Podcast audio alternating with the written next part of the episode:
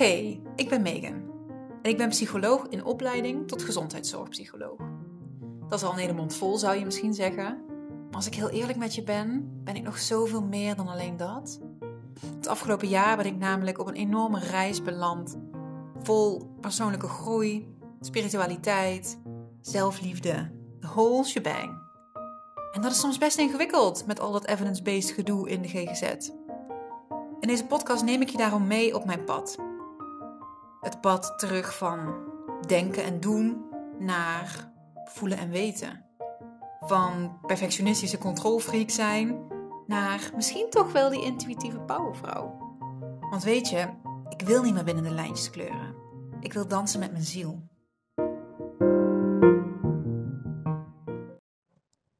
Hallo, hallo.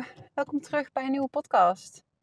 Ik ben Megan en um, dat weet jij al. Kwam er heel spontaan uit. Nou, hoi, hoi, nice to meet you. Aflevering 15, dus de kans is heel groot dat je al weet dat ik Megan heet. Mijn naam van mijn podcast geeft natuurlijk ook wel een hoop weg. Jongens, luister. Dit is een podcast aan het einde van mijn werkdag. En waarschijnlijk heb ik al frissere en betere podcasts opgenomen dan dit. Maar ik wil je een live inkijkje geven in dat ik op dit moment, as we speak, ergens mee aan het struggelen ben. En dat ik je nu ja, meeneem in wat ik doe. Want ik word me maar al te bewust van iets wat op dit moment dus gaande is. Oké, lange werkdag gehad. Productief, maar aan het einde een beetje een soort piek die ik niet had voorzien. Waardoor het me niet is gelukt om op tijd af te ronden. Nou, gebeurt wel vaker. Uh, is oké. Daar kies ik in zekere zin zelf voor door niet goed mijn tijd te managen. Maar op het moment dat ik nog even zo wat langer blijf om een mailtje af te, af te ronden en te versturen, ineens besef ik: shit. Shit, shit, shit. Want um, mijn man haalt meestal de kids op. Want hij werkt over het algemeen vanuit huis en kan dan nou, verreweg als eerste bij de kinderen zijn. En um, vandaag, en dat was ik dus vergeten, zit hij voor een training ergens in Utrecht of zo. En vorige keer dat hij die training had, was hij ineens een uur eerder klaar. Dus was hij alsnog gewoon om vijf uur thuis. Maar ik was dus zelf vet laat. En um, ik belde hem op. En hij zei: Megan, de training duurt tot vijf uur. En dan moet ik nog naar huis rijden. Dus het wordt waarschijnlijk wel zes uur voordat ik thuis ben. Dus ik dacht, kut. Dan moet ik dus echt de kinderen gaan ophalen. En ik merkte meteen dat dat heel veel bij mij opriep en roept. Wat ik op dit moment voel is um, frustratie naar mezelf toe. Want ik wist dit en waarom ben ik dat nou weer vergeten? Uh, ik voel me schuldig, want door mij worden de kinderen nu pas nou, het is echt fucking druk hier om überhaupt zelfs naar Eindhoven uit te komen. Dus het is zeker kwart voor zes als ik bij de kinderopvang ben en bij de BSO. Ik heb mijn kinderen vanochtend super vroeg gebracht, omdat ik een hele volle dag had. En ik moest gewoon op tijd beginnen met sessies. Dus zij zijn al vanaf ja, kwart voor acht op de kinderopvang. En het idee dat ik ze dan nu na kwart voor zes als een van de laatste ga ophalen. Oh, dat. Ja, dat geeft me gewoon echt een verdrietig, rot gevoel. En ik voel me vooral schuldig. Ik heb het gevoel nu dat ik ze iets aandoe. Ik voel me basically gewoon een slechte ouder, omdat ik mijn werk belangrijker heb gemaakt dan op tijd mijn kinderen ophalen. En doordat ik nu zo laat vertrek, dan heb je dus ook meer drukte op de weg. Want idealiter rijd ik dus rond half vijf, kwart voor vijf, uiterlijk. Nee, idealiter ga ik om half vijf rijden. En dan ben ik om kwart over vijf bij ze. En dat vind ik dan, dat heb ik gevoelsmatig ingesteld als mijn grens. En alles wat daarna is, want dan ben je dus eigenlijk al een van de latere ouders bij ons op de opvang. Ik ben nog nooit, ik denk dat ze nog nooit om kwart voor zes zijn opgehaald hier bij deze opvang. En dat doet dus van alles met mij, voel ik nu op dit moment. En nou oprecht, misschien hoor je het wel aan mijn stem, maar ik kan echt wel janken.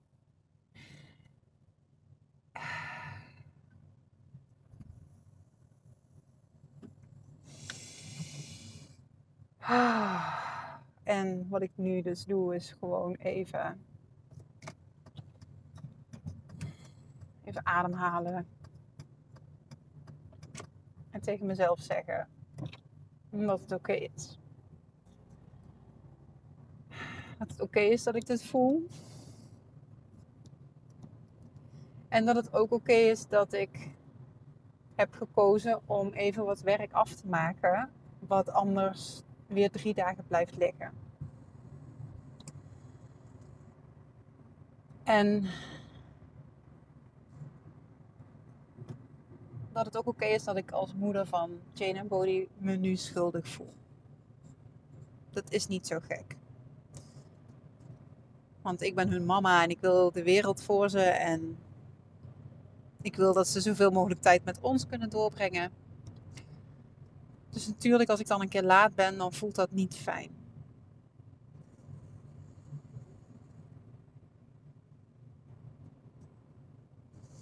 En ik probeer nu om gewoon hierbij te blijven. Dus bij de onrust en het verdriet, de brok in mijn keel die ik voel.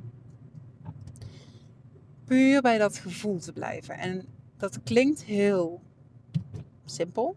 Is het in feite ook. Gemakkelijk is het niet, dat is wat anders. Want ook ik merk natuurlijk terwijl ik dat doe, dat er allerlei gedachtenhaakjes ook aan vastzitten. Van je had een betere keuze moeten maken. Blablabla. Het is vooral eigenlijk heel veel criticus die bovenkomt. En die dan weer nieuwe emotie en nieuwe onrust toevoegt eigenlijk. Hè? Want dat is wel hoe het werkt met onze gedachten. Die, die beïnvloeden onze emotionele staat. En als je... Um, daarin kun je dus ook in een, in een loop terechtkomen van ja, niet helpen de shit. Dus die voel ik maar ik kies er dus elke keer voor nu, in de afgelopen, wat is het, anderhalve minuut, om puur bij het gevoel te blijven. En puur te zeggen, het is oké, okay, lieverd. En te ademen. En nog een keer. En mezelf ook toe te staan om gewoon verdrietig te zijn. En terwijl ik dat doe, dan voel ik ook wel een soort rust over mezelf heen komen.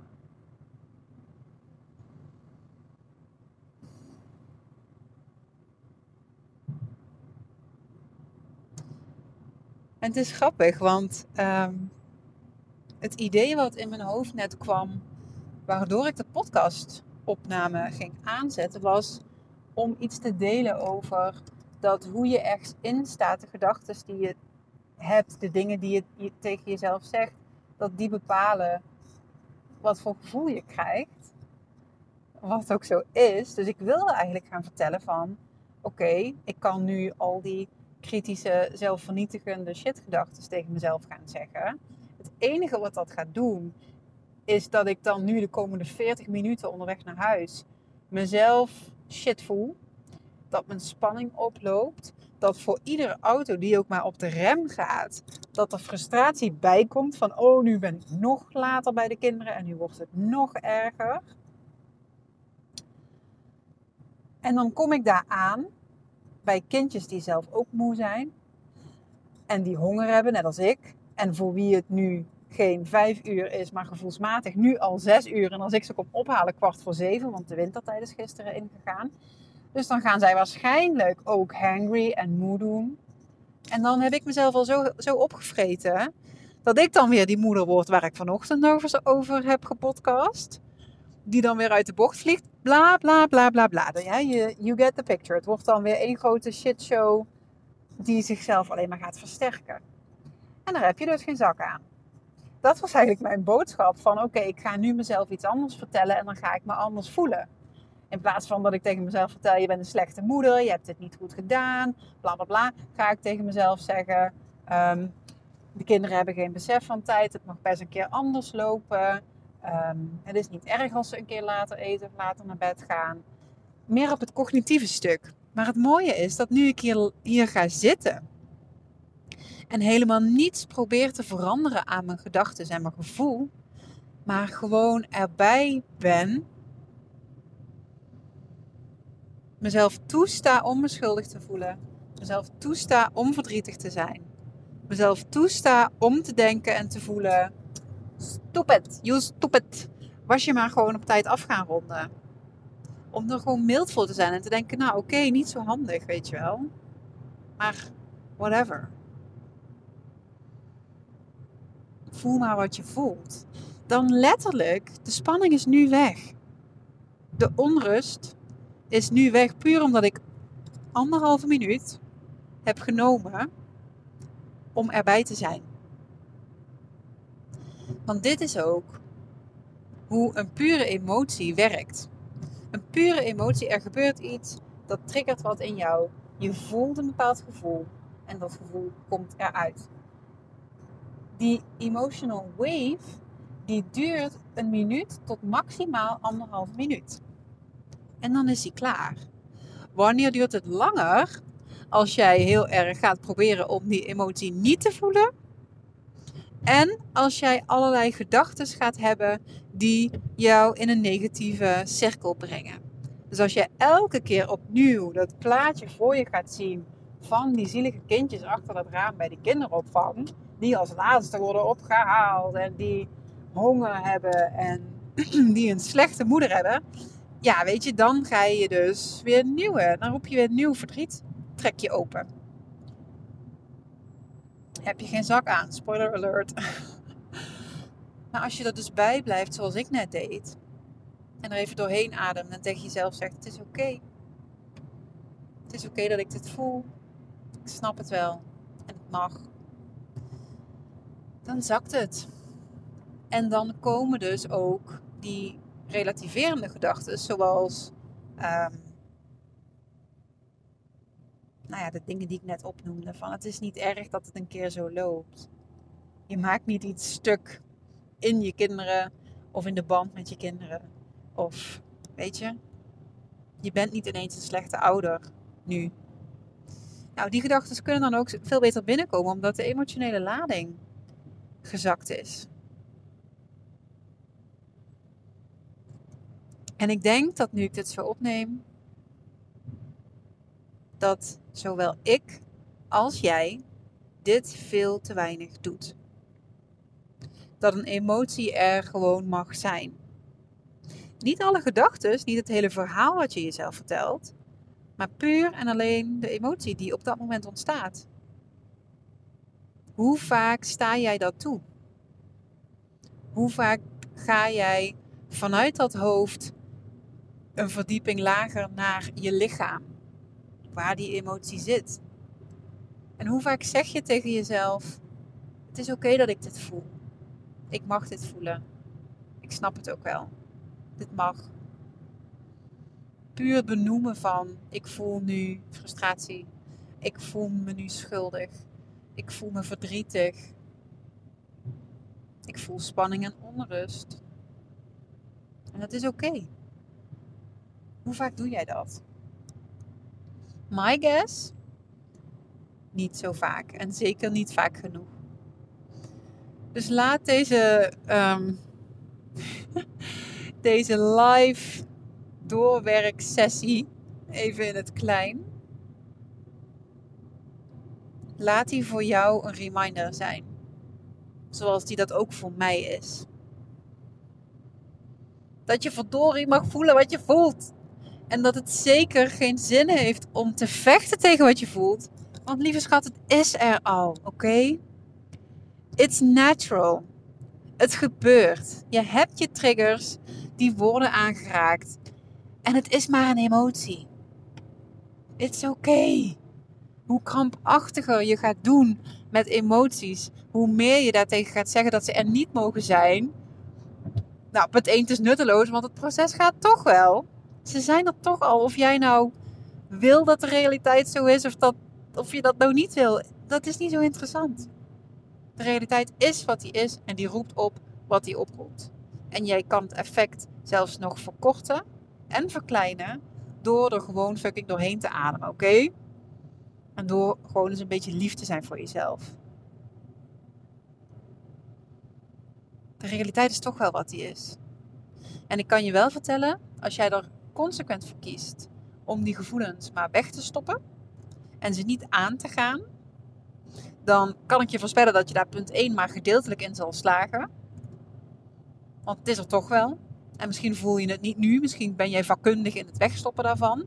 En kun jij nu oké zijn. Maar it'll all come back to you. Ik zie het all the damn time bij mijn cliënten. Bij mezelf ook. Alles wat je wegstopt, komt een keer eruit. Of het nou is in een huilbui, of dat het nu is in fysieke klachten, of in een burn-out, of in een relatiecrisis. Alle gevoelens die jij niet doorwerkt, maar wegstopt en verdooft en dempt en wegrelativeert, die komen bij je terug. So you better start feeling them. En dan niet het hele shit verhaal wat jij daarbij vertelt. En alle oordelen die je hebt over jezelf en het feit dat je dat voelt. Maar puur en alleen het gevoel in je lijf. Haal adem. Het is maar een gevoel. Het is maar een gevoel. En tegelijkertijd is het niet maar een gevoel, maar is het jouw gevoel. Oké. Dat was hem. Voelt alsof hij uh, aan de korte kant is. Ik heb geen idee. Ik ga hem uitzetten en dan kan ik het zien. Um, dankjewel voor het meeluisteren terwijl ik hier uh, mijn spanningen en emoties doorwerk. En ik hoop dat je er wat mee kan. Laat het me weten als dat zo is, of doe het lekker niet. En dan hoor ik je heel graag. Nee, je hoort mij heel graag bij de volgende podcast. Doei!